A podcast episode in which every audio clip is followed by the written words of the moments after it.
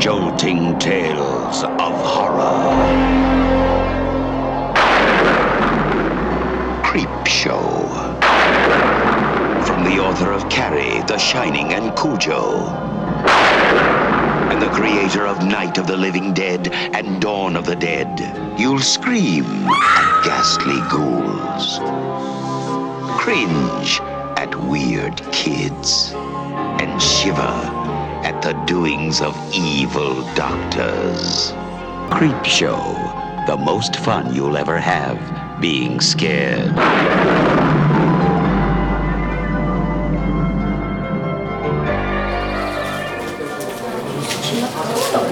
Poszedł na Stanowskiego. Już 19. Myślałam, że to. Nie, nie, nie. Dzień dobry. Tłumy. Dzień dobry, dzień dobry.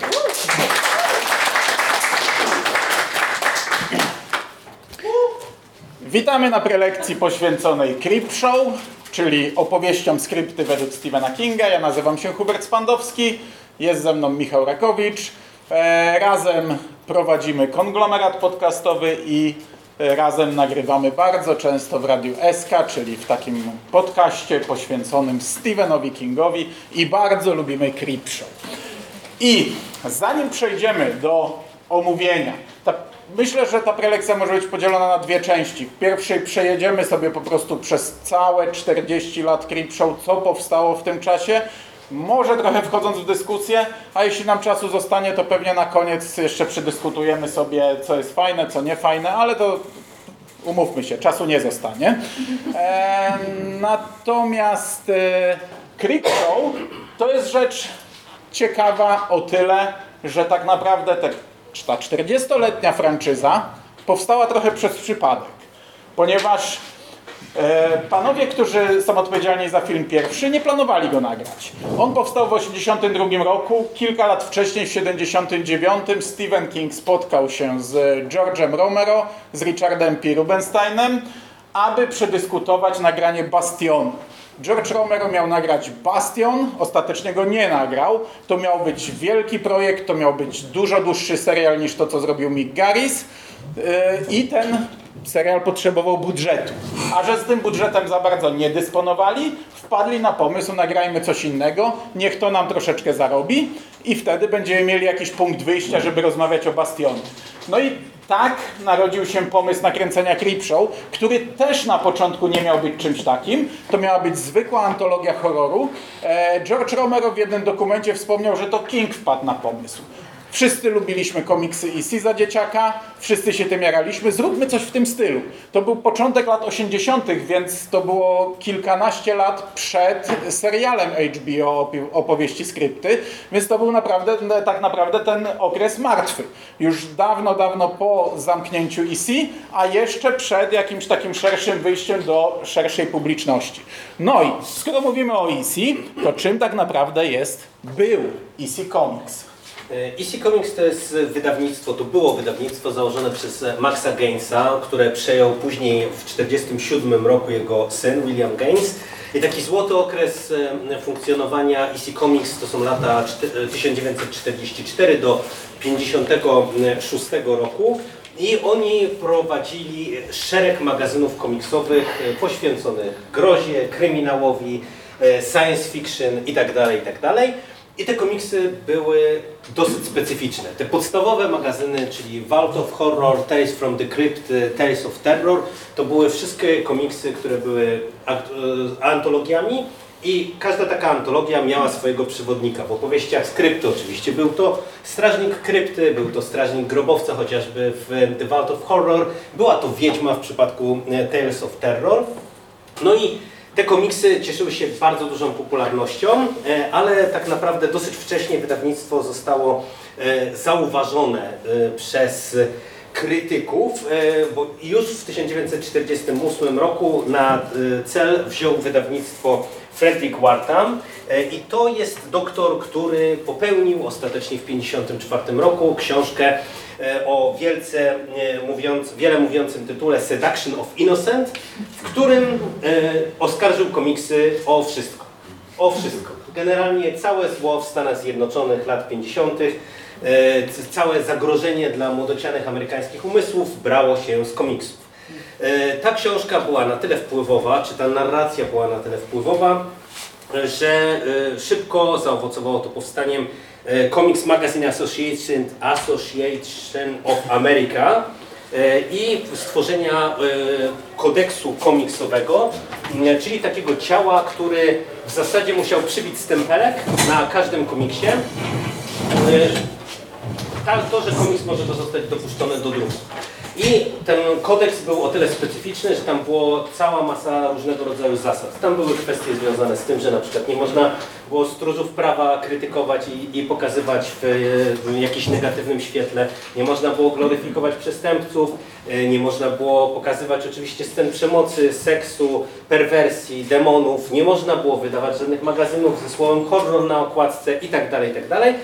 To spowodowało, że w zasadzie po tym 56 roku EC Comics y, no, zostało wycięte, no bo jakby to, co było tym ich core biznesem, zostało de facto jakby zakazane y, i od tego momentu można powiedzieć, że całe wydawnictwo EC Comics umarło, chociaż ono jeszcze funkcjonowało, trochę próbowało jakby na tym zmieniającym się rynku gdzieś tam y, działać w jakichś tam niszach, no ale przyjmuje się, że ten 56 rok dla tych komiksów, konkretnie w tym klimacie, y, jeszcze zawsze zakończony specyficznym twistem, ale to jeszcze tu Mando o tym więcej na pewno za chwilę powie, umarł. I na tym możemy zakończyć krótką historię. No właśnie, zakończony twistem, ponieważ e, jak Stephen King w Dance Macabre pisze, to były specyficzne opowieści i od nich nie możemy wymagać zbyt wiele. To były historie proste, to były historie bez jakiejś głębokiej, e, bez jakiegoś głębokiego zarysu postaci. To były historie, które mają nas doprowadzić do twistu, który jest zazwyczaj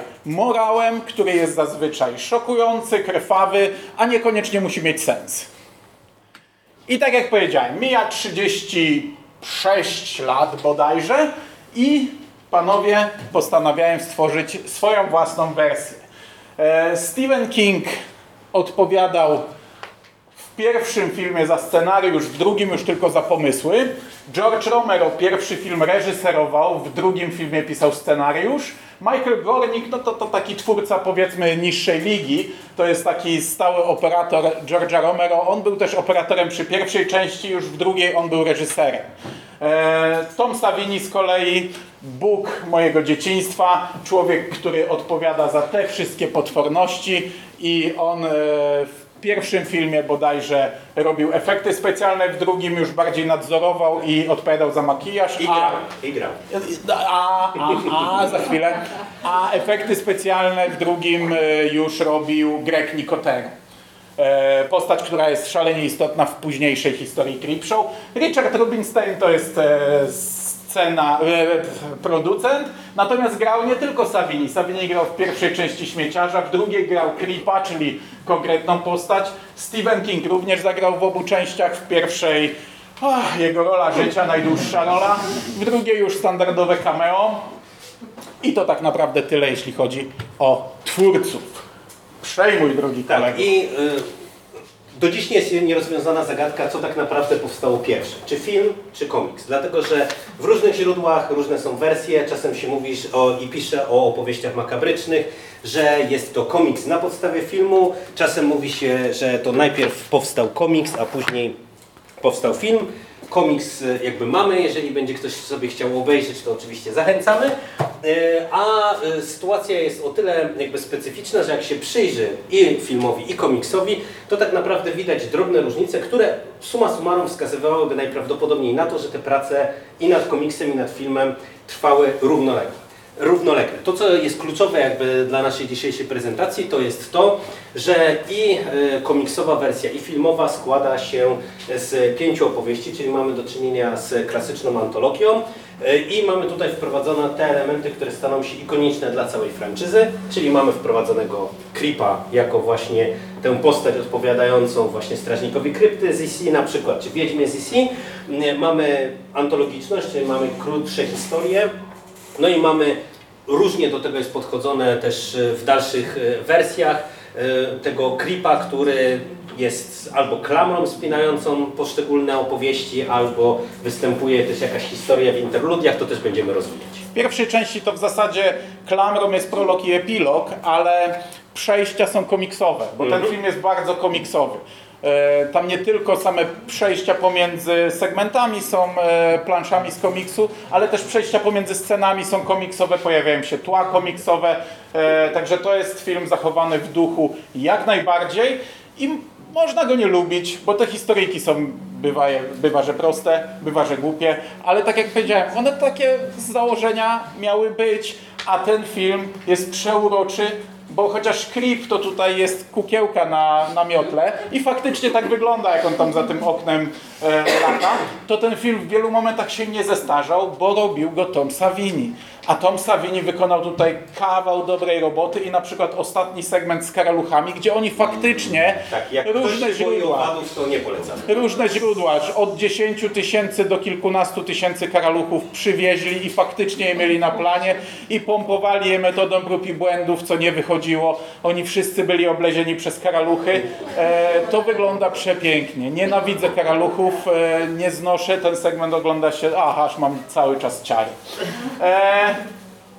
Jeszcze coś o jedynce? Ale o jedynce jeszcze dwa zdania. Tu na, uwagę zasługuje na pewno występ Kinga, bo to jest chyba najlepszy występ Kinga ze wszystkich e, filmów, w których on się pojawił. Gra wioskowego głupka po prostu tak, jakby się nim urodził. I to jest naprawdę fantastyczna kreacja. E, A druga rzecz e, to to, co e, Ty, Mando, wspomniałeś odnośnie tych komiksowych przejść.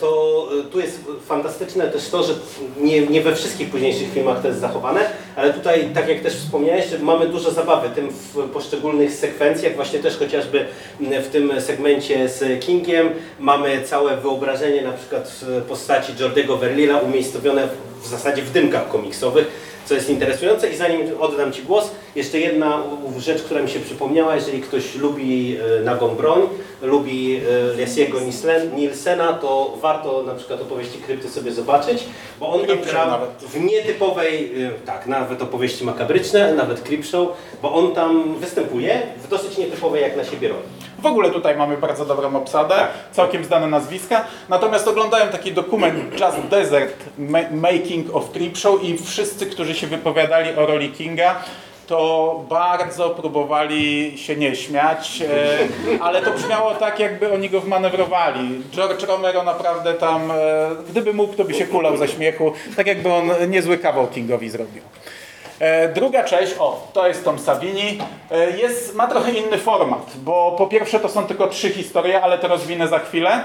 E, Po drugie, cały ten wprowadzający prolog i epilog to jest w zasadzie klip, który rozwozi komiks jak gazety, a jest to połączone z animacją. To przepływa w animację. W jedynce też mieliśmy moment, gdzie przepłynęło w animację przed napisami początkowymi, natomiast tutaj ta animacja zostaje i ona jest przerywnikiem pomiędzy segmentami.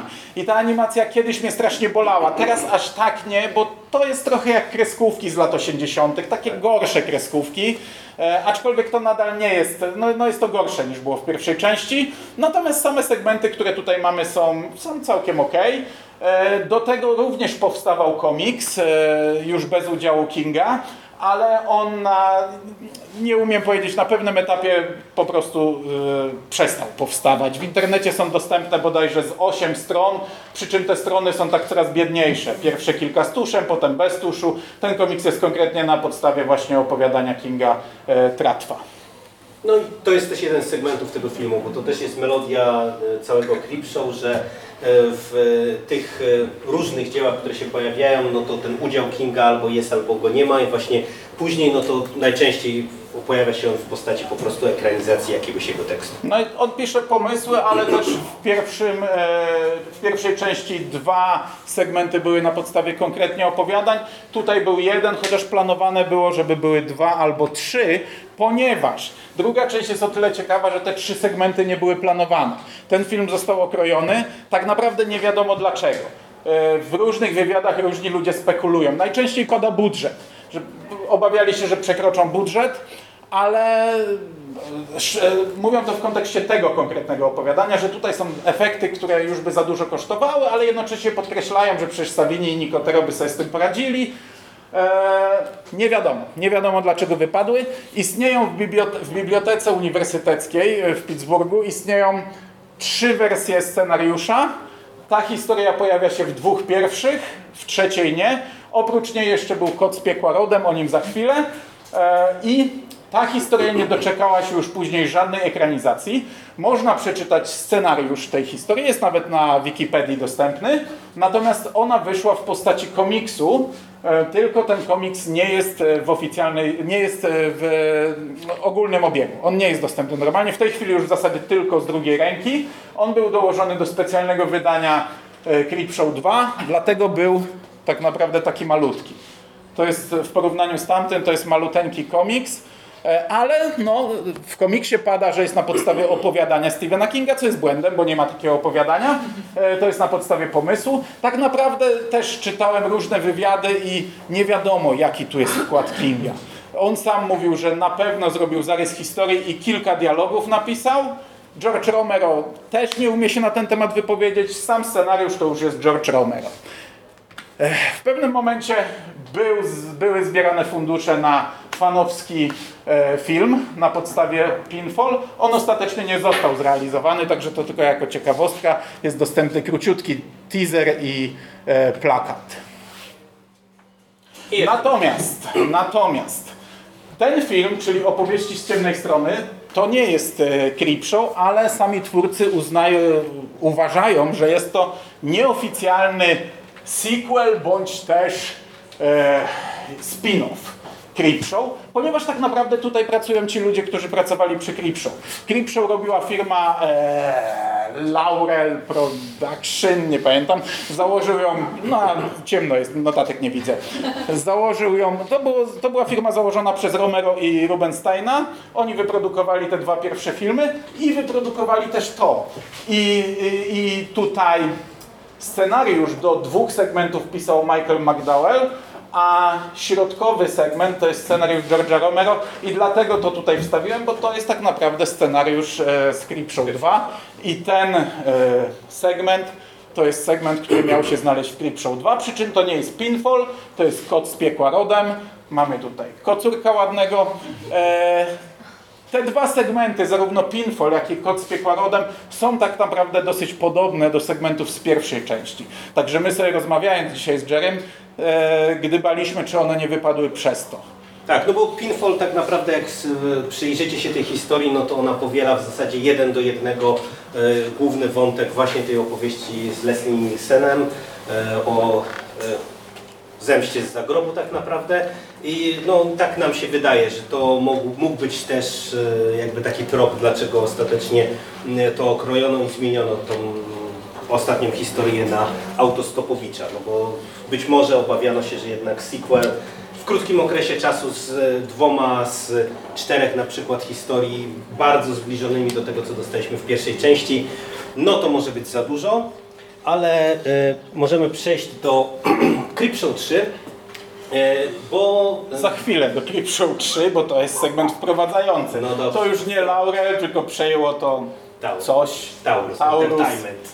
Entertainment Company i tak naprawdę zaczyna się nowa era. No Creepshow 2 to był rok 87, to jest rok dwa- 2006. Mija prawie 20 lat, e, 19 dokładnie, jeśli mamy być kingowo i zaczyna powstawać taki nowy rozdział, który jest trochę, no, Niespójny. no chciałem e, użyć brzydszego słowa, trochę takim e, głupszym kuzynem, brzydszym dzieckiem e, w tej rodzinie. Tak, i przechodzimy do Creepshow 3, e, który powstał w 2006 roku i to jest sequel, który jest ogólnie przez fanów Creepshow raczej produkcją No pogardaną. Nie dziwota, tak. E, o tym za chwilę. Znaczy on tutaj może wyglądać jakby był faktycznie makabryczny i straszny. Nie, to są pojedyncze, znaczy on ma fajne efekty mocne, ale to jest bardzo wizualnie i audiowizualnie zły film. Znaczy to jest problem, problem tego filmu polega na tym, że tak jak cały czas tam nawiązywaliśmy, że tu wracali ci twórcy, tu inni i tak dalej, gdzieś tam ta marka się do tego momentu trzyma plus minus w rękach tych samych ludzi. Creepshow 3 to jest film zrobiony przez anonimowe postaci i aktorsko, i producencko, i w zasadzie pod kątem e, każdym, poza efektami specjalnymi. I akurat te efekty specjalne faktycznie są niezłe. To jest dosyć interesujący film dla mnie osobiście z, w kontekście całego Creepshow z jednego konkretnego względu, e, dlatego że w przeciwieństwie do tych wcześniejszych tytułów, tutaj mamy pięć opowieści, czyli wracamy do tego układu z e, jedynki, ale po pierwsze, te historie już nie są tak równo podzielone, jak to było w jedynce czasowo. Tu mamy na przykład pierwszy segment Alice e, ma bodajże 15 minut, najdłuższy segment, e, czyli The Radio, e, drugi to jest segment, który ma prawie 30 minut z dwóch godzin. Ale ten film robi coś, co się w sumie niezbyt często zdarza w antologiach, Mianowicie tutaj nie ma klasycznego prologu albo jakichś interludiów pomiędzy tymi historiami, tylko nie wiem, czy tutaj widzieliście na przykład Treat and Treat, czyli Upiorną Noc Halloween. E, To jest taka antologia, która jest e, skonstruowana na zasadzie takiej, że to jest w zasadzie jeden film podzielony na segmenty i postaci z różnych segmentów się przenikają, tam się tu się No, żonglują spotykają, tak. I to tak. jest na takiej zasadzie, że w Upiornej Nocy Halloween to jest bardzo fajne, czyli obejrzeliśmy film, niektórych nawiązań nie załapaliśmy, bo w pierwszym segmencie były nawiązania do ostatniego, więc nie sposób tego było, więc obejrzymy sobie jeszcze raz, super. Upiorna Noc Halloween jest świetnym filmem. Oglądać drugi raz Creepshow 3 to już niekonieczne.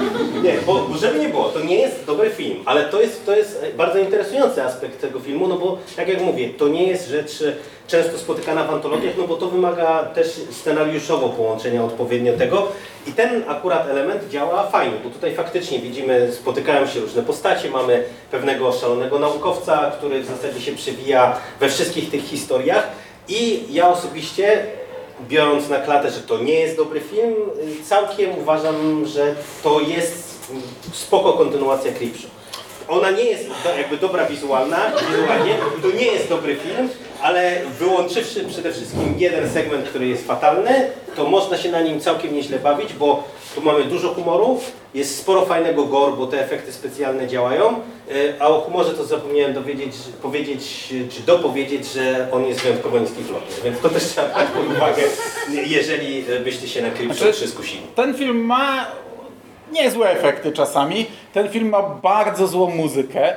To jest, to jest jedna z najgorszych ścieżek dźwiękowych, jakie słyszałem. To jest takie, jak ty to porównałeś, że Taki, taki taka cyrkowa muzyczka, jak Takie w Luna. Parku, takie nie, nie, nie, nie. Nieważne co się dzieje, to tak leci, nie? Nieważne.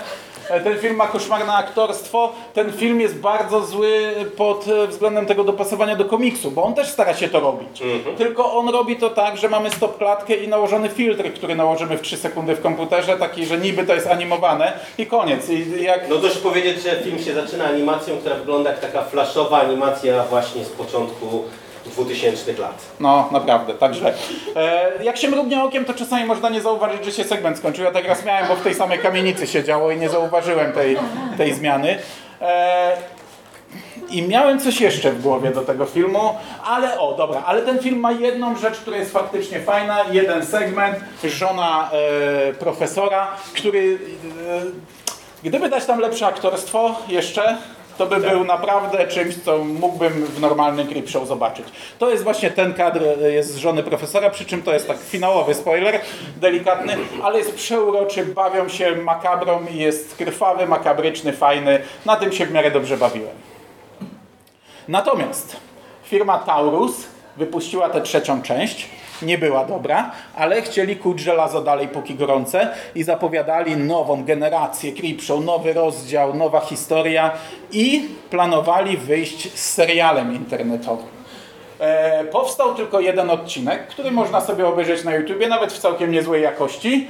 E, ten odcinek ma 8 minut. To jest zwykły, króciutki filmik, który mógłby być segmentem i to takim bardzo krótkim segmentem w filmie. Gra tam Michael Madsen.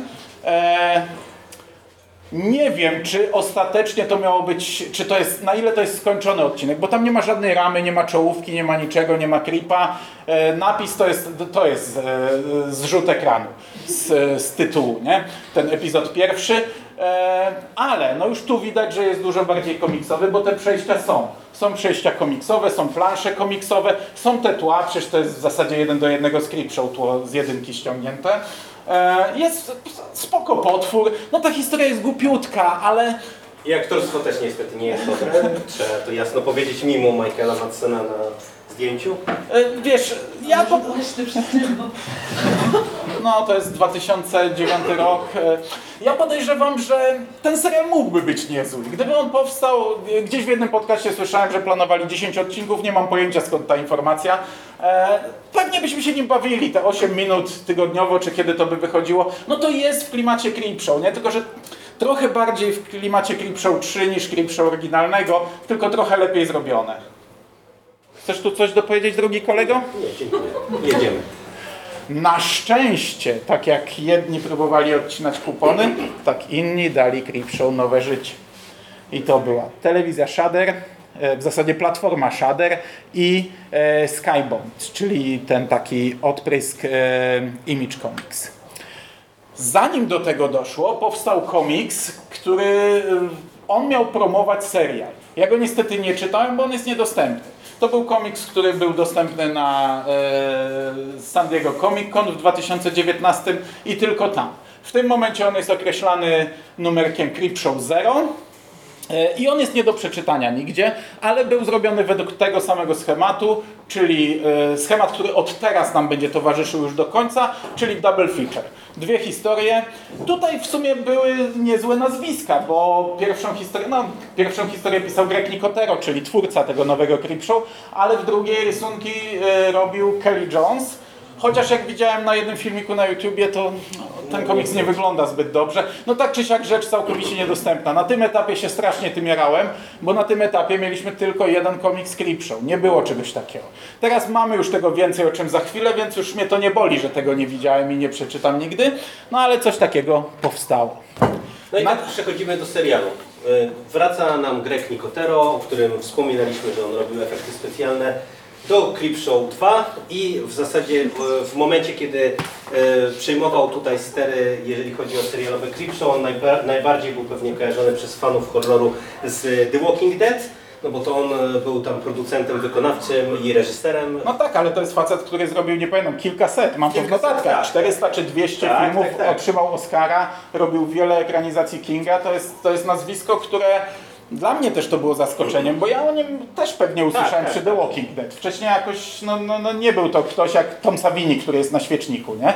A tak naprawdę jak zacząłem zwracać uwagę, to on w tylu filmach robił efekty, że Znaczy to jest w ogóle ciekawa postać, to na osobny temat polecamy z nim rozmowy jakieś podcastowe czy cokolwiek innego, dlatego że właśnie przez to, że on tak długo siedzi w tym biznesie, no to naprawdę potrafi świetne ciekawostki mm, zaserwować. E, No i on jakby odpowiadał za e, wykreowanie tego nowego serialu dla e, Shadera. No i tak jak Mando wspomniał, zaczynamy od e, takiej konwencji, że na odcinek mamy dwa segmenty, E, Mamy nowego klipa, e, mamy wstawki animowane, które też się pojawiają.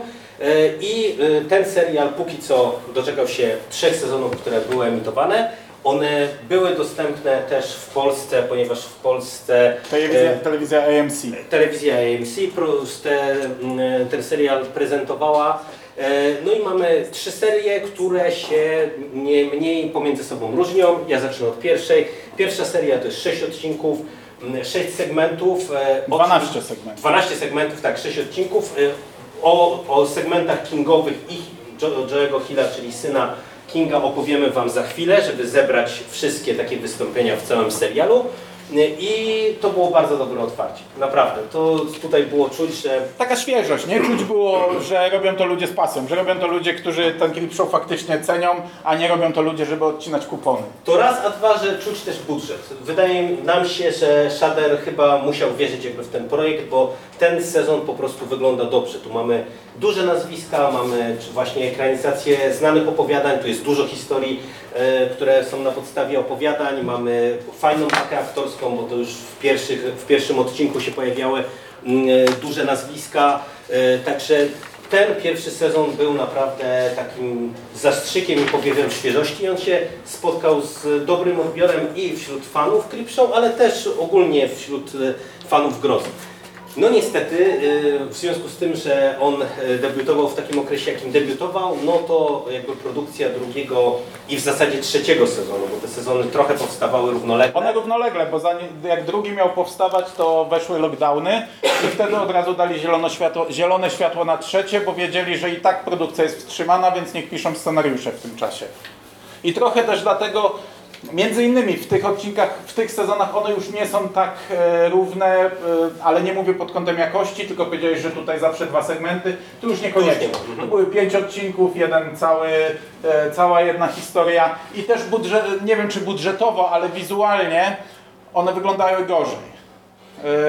Co prawda no tłumaczyło się to konwencja, ha, ha, ha, no ale są odcinki, które wyglądają źle. Są odcinki, które wyglądają dobrze z odciętą głową azjatyckiej dziewczyny. E, p- Przepiękny odcinek, nie? Ale, No tak. ale to już nie jest, e, nie jest taka... e,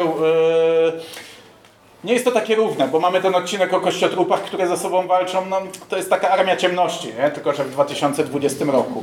Znaczy, to, to jest niestety trochę melodia całego tego serialu, że on się zaczął z bardzo wysokiego, e, z bardzo wysokiej nuty, a z każdym kolejnym sezonem było coraz gorzej. Tak naprawdę ten trzeci sezon, mm, no u mnie już wzbudził poważne obawy co do przyszłości właśnie tej marki, bo wydaje mi się, że i ta świeżość została zatracona i właśnie nie wiadomo, czy kwestie około covidowe, budżetowe zaważyły tam na całości, ale niestety tak jak właśnie zaczęliśmy od tego, że pierwszy sezon, duże nazwiska, duży budżet i tak dalej, to niestety przy trzecim e, czuć już problemy w zasadzie pod każdym względem. Mamy mało znanych aktorów, Mamy dużo słabsze efekty specjalne i ja osobiście uważam, że, ale to nie tyczy się tylko Creepshow, ale ogólnie, że jakby nie ma co maskować złych ek- efektów specjalnych hasłem, bo tak miało być, bo jak tak miało być, to trzeba było zrobić lepiej.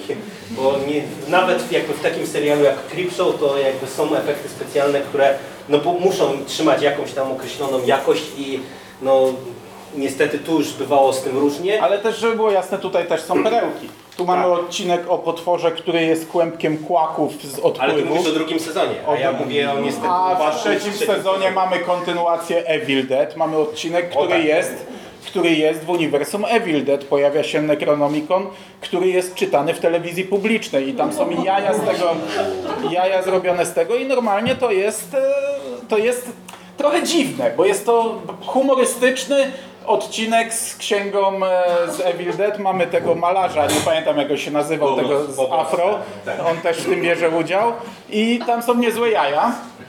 E, tutaj mamy ten odcinek z kłębkiem kłaków. E, prze, przepiękny Kłębik potwór. z odpływu. Takim, Taki to potwór. jest potwór, Czekałem aż który- popa zrobią, nie zrobili cały czas. I tam wraca też jakaś ikona horroru. Nie pamiętam teraz nazwiska tej, tej pani. Także jakieś nazwiska się pojawiają. Tu jest też dużo Tutaj Barbara Crampton była właśnie, chyba zresztą w tym tu jest dużo też powracających nazwisk, bo wraca Stephen King, Joe Hill, o których za chwilę. Tom Savini reżyseruje jeden z odcinków.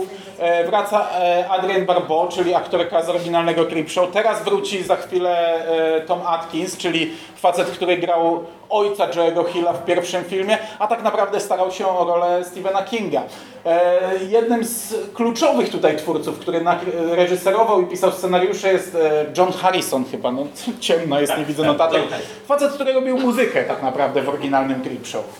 No i e, tak naprawdę, żeby zakończyć jeszcze temat serialu na chwilę, bo zaraz jeszcze go będziemy rozwijać w innych kierunkach, e, na jedną rzecz e, chcielibyśmy zwrócić uwagę, że serial od któregoś momentu też staje się w pewnym stopniu, w pewnym stopniu dyskusyjny creepshowowo. Bo my mówiliśmy o tym, że e, creepshow to jest określona formuła, to jest skopiowanie tej formuły z DC Comics, czyli musimy dojść do pewnego morału, do pewnego twistu na koniec, który może być głupi, może być absurdalny, ale powinien być krwawy, zaskakujący i powinien obejść się źle z bohaterami, którzy robią głupio, źle albo cokolwiek innego. I tutaj mamy już coraz więcej segmentów, które nie spełniają tych kryteriów. I nawet właśnie w kontekście tego odcinka e, z Evil Dead, to, to jest na przykład odcinek, który sam w sobie jest świetny, ale to to są takie odcinki, które są właśnie dyskusyjne w kontekście jakby samej formuły. A takich odcinków jest więcej, bo tutaj mamy... No mamy taki z magicznym kluczem i z szafą, co Tak, tutaj- mamy epizody science fiction. W trzecim sezonie mamy kontynuację Nocy Żywych Trupów. Dokładnie tak. No.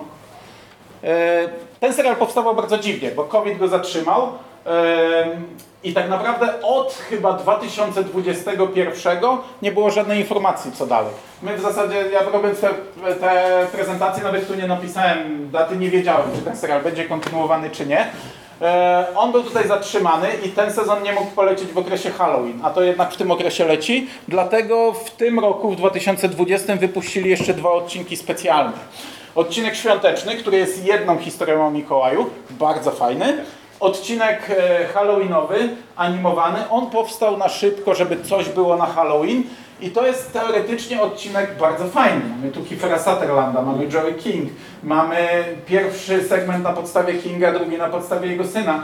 Tylko, że to jest animacja taka, nie wiem czy oglądaliście ten odcinek, to jest animacja na zasadzie plansz komiksowych, które są lekko ruchome, zmieniają się na następne, które są lekko ruchome. To jest w 40 zasadzie minut. Tro, trochę animowany komiks po prostu. 40 minut czegoś takiego, także trochę stracony, pot, zmarnowany potencjał, bo to mogły być fajne rzeczy, ale no nie mieliśmy wtedy Creepshow.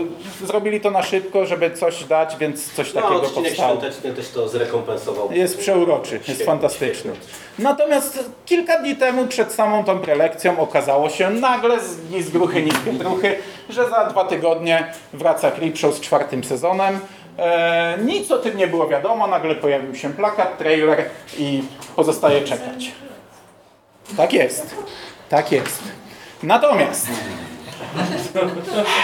znajdują się tu dwie ekranizacje Stephena Kinga. Odcinek otwierający i ten odcinek animowany. To nie są złe rzeczy. To są nawet ten, nawet ta animacja, jak się kupi tę animację, to jest fajna rzecz. Bo Szkoła Przetrwania jest bardzo jest fajnym fajnym opowiadaniem. opowiadaniem e, Szara Materia też. Aczkolwiek istnieje taki projekt jak Dollar Babies, czyli amatorskie filmy. Obie te rzeczy amatorsko zostały zekranizowane jednak dużo lepiej. Bo szczególnie Materia. Materia ma tak fantastyczny amatorski film z takimi efektami starymi, klimatycznymi. Oglądałem go trzy razy na takich online pokazach e, w ostatnich latach i za każdym razem to było rewelacyjne. A to też ma bardzo fajny film amatorski, bo bawiący się formą. To jest o pisarzu, który rozbił się na wyspie, która jest cała z kamienia, więc nie ma co jeść, więc odcina po kawałku siebie i zaczyna się je zjadać. E, I y, jest film amatorski, gdzie filmowiec się rozbił i on kręci po prostu siebie na tej wyspie. E, Coraz, coraz gorzej wygląda, coraz gorzej kręci. Także są lepsze ekranizacje, ale tak czy siak King nie trafił źle. Natomiast w pierwszym filmie za, zagrał syn Stephena Kinga, Joe Hill, czyli bardzo dobry pisarz. Zagrał e, w Łączniku, w Ramie, dzieciaka, który kupuje laleczkę wudu, żeby zemścić się na ojcu, że mu spalił komiks, wyrzucił. E, I Joe Hill dostał aż trzy ekranizacje. Pierwszą z nich reżyserował Tom Savini, co, jest, e, co było bardzo kluczowe, bo Joe Hill teraz z dzisiejszego punktu widzenia wspomina Creepshow, że to Creepshow spowodowało, praca nad jedynką, że on robi to, co robi. Powiedział, że po tygodniu tak Tom. Tom Savini został jego nianią. Stephen King e, wziął go na plan na tydzień i wlepił go Saviniemu, żeby się nim zajmował. I Joe Hill po tym tygodniu na planie Creepshow powiedział, chcę zabijać ludzi, będę to robił na... Tak powiedział, będę to robił na papierze. No i, no i to robi.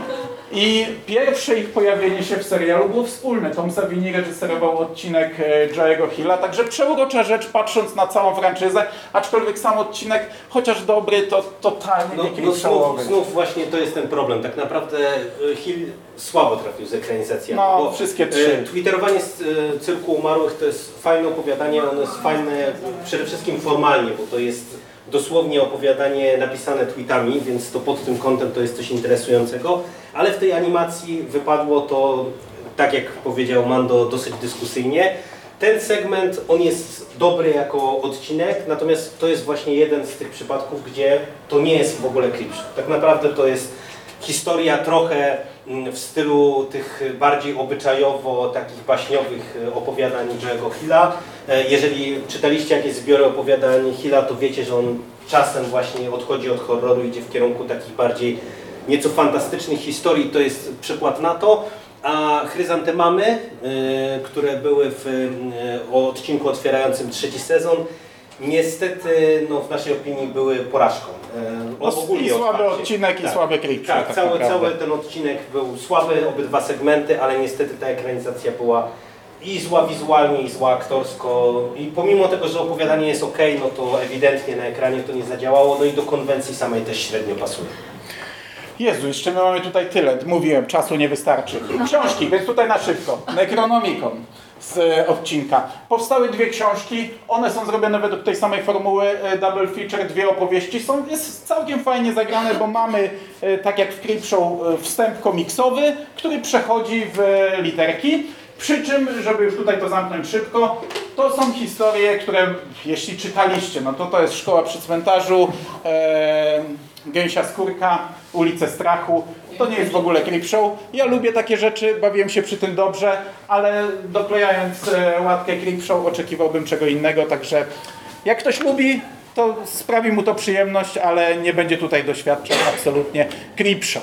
Albumy powstało kilka, o, nich się nie, o tym się nie wypowiem, bo Amazon postanowił mi go nie wysłać.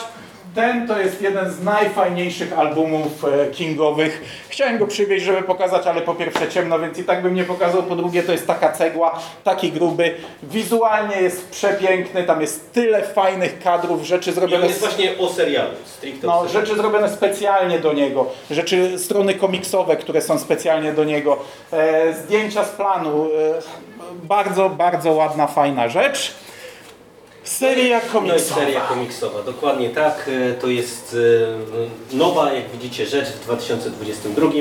Doczekaliśmy się serii komiksowej właśnie od Skybound, czyli e, imprintu Image Comics i tutaj wracamy jakby do tej samej formuły, którą widzimy w serialu. Mamy jeden zeszyt, dwie historie. Mm, Znów e, gdzieś tam nad tym unosi się duch e, Grega Nicotero. E, Przy czym dwie kwestie. Jakby dostaliśmy łącznie w tym pierwszym sezonie, bo tutaj od razu jakby było wiadomo, jak się ta seria kończyła, że dostaniemy sezon drugi. Dostaliśmy pięć zeszytów i te pięć zeszytów są po pierwsze na bardzo różnym poziomie wizualnym, bo tak jak to często, jeżeli siedzicie w komiksach, to wiecie, że przy tego rodzaju projektach, gdzie mamy e, antologię, no to się bierze bardzo różnorodnych rysowników, więc ona prezentuje się bardzo, bardzo naprawdę różnorodnie wizualnie. Mamy tu e, bardziej nowoczesną kreskę, stylizowaną i tak dalej, i tak dalej. To jest ogólnie spoko. Problemem tego komiksu jest to, że e, te historie działają umiarkowanie na papierze.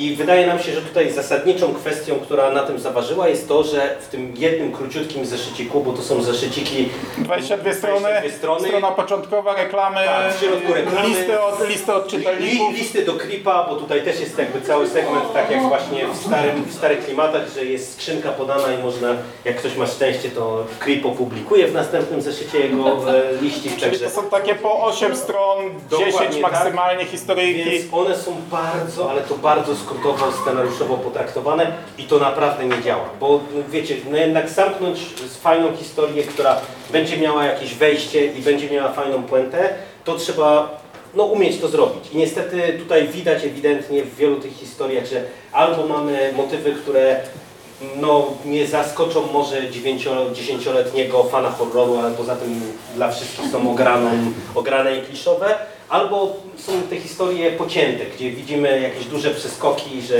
bohaterowie robią X, nagle na kolejnej stronie już nie wiadomo o co chodzi. To nie jest tak, że to jest jakby zupełny szlam muł i wodorosty, ale tak naprawdę trudno by było tu wybrać ze dwie, trzy historie takie, które są naprawdę godne polecenia. No i dostaniemy w tym roku e, drugi sezon tej, tego komiksu. Chcielibyśmy, e, żeby on był na lepszym poziomie. No zobaczymy, tam chyba Gart Ennis pisze, Coś e, pisze, jakąś no. historię w pierwszym zeszycie, więc być może wściekły Irlandczyk e, pokaże coś dobrego. O tym nie powiemy prawie nic. E, wiadomo, że gra jakaś ma wyjść w 2024 roku. Tak naprawdę nic o niej nie wiadomo, poza tym, że też ma być antologią i że twórcy już mają na swoim koncie jakieś antologie, więc e, z- znają się na temacie, ale to był jeden, jeden news, z którego nic na chwilę obecną nie wypływało. Zobaczymy, co z tego wyniknie. Eee, wysyp figurek dostaliśmy, ale to też tylko informacyjnie. Patrz, jak się ładnie wyrobiliśmy. Eee, to są głównie figurki Creepa. To są i popy, i, i, i ciekawsze figurki.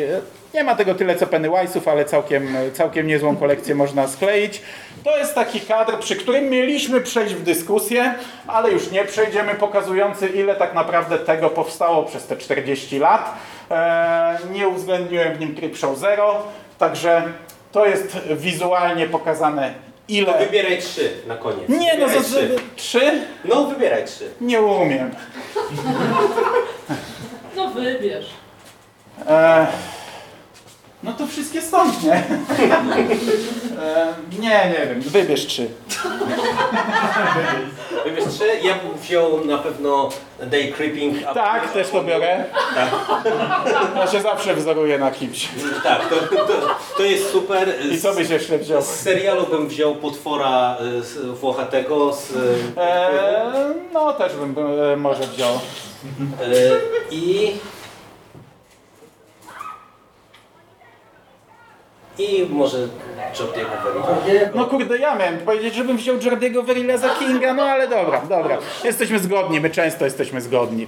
Dobrze, czyli jest w czym wybierać, a tu dojdą następne, bo czwarty sezon zapowiedziany, kolejny taki vlog w kolejnym sezonie serialowym, także e, przygoda trwa i my się bawimy dobrze, nawet jak są gorsze rzeczy. Ten komiks dostarcza nam frajdy mimo wszystko, no co miesiąc sobie przeczytamy jeden krótki zeszycik, nagramy podcast, bawimy się przy tym. Serial czasami ma niższe e, loty, czasami wyższe, ale dostarcza nam zabawy, także e, fajnie, że to trwa, fajnie, że to się odrodziło. No miejmy nadzieję, że poziom będzie raczej rósł, a nie malał. No, a, a też polecamy, jeżeli Was zainteresowaliśmy, śledzić jakby jak to się rozwija, bo w Polsce te rzeczy są dostępne. Komiks można kupić spokojnie w sklepach internetowych właśnie tych amerykańskich i serial też na AMC Polski. A tutaj na przykład nagraliśmy już pewnie ze 40 podcastów o samym Creep Show, także a dojdzie za chwilę jeszcze z dobre 16-18 w ciągu następnych kilku miesięcy. E, dziękujemy Wam bardzo za uwagę. Zapraszamy na nasze kolejne prelekcje, których zostało już tylko trzy, chociaż, chociaż konwent dopiero się zaczął. Ale jeszcze dzisiaj dziewczyny, a jutro my i dziewczyny. Dziękujemy bardzo.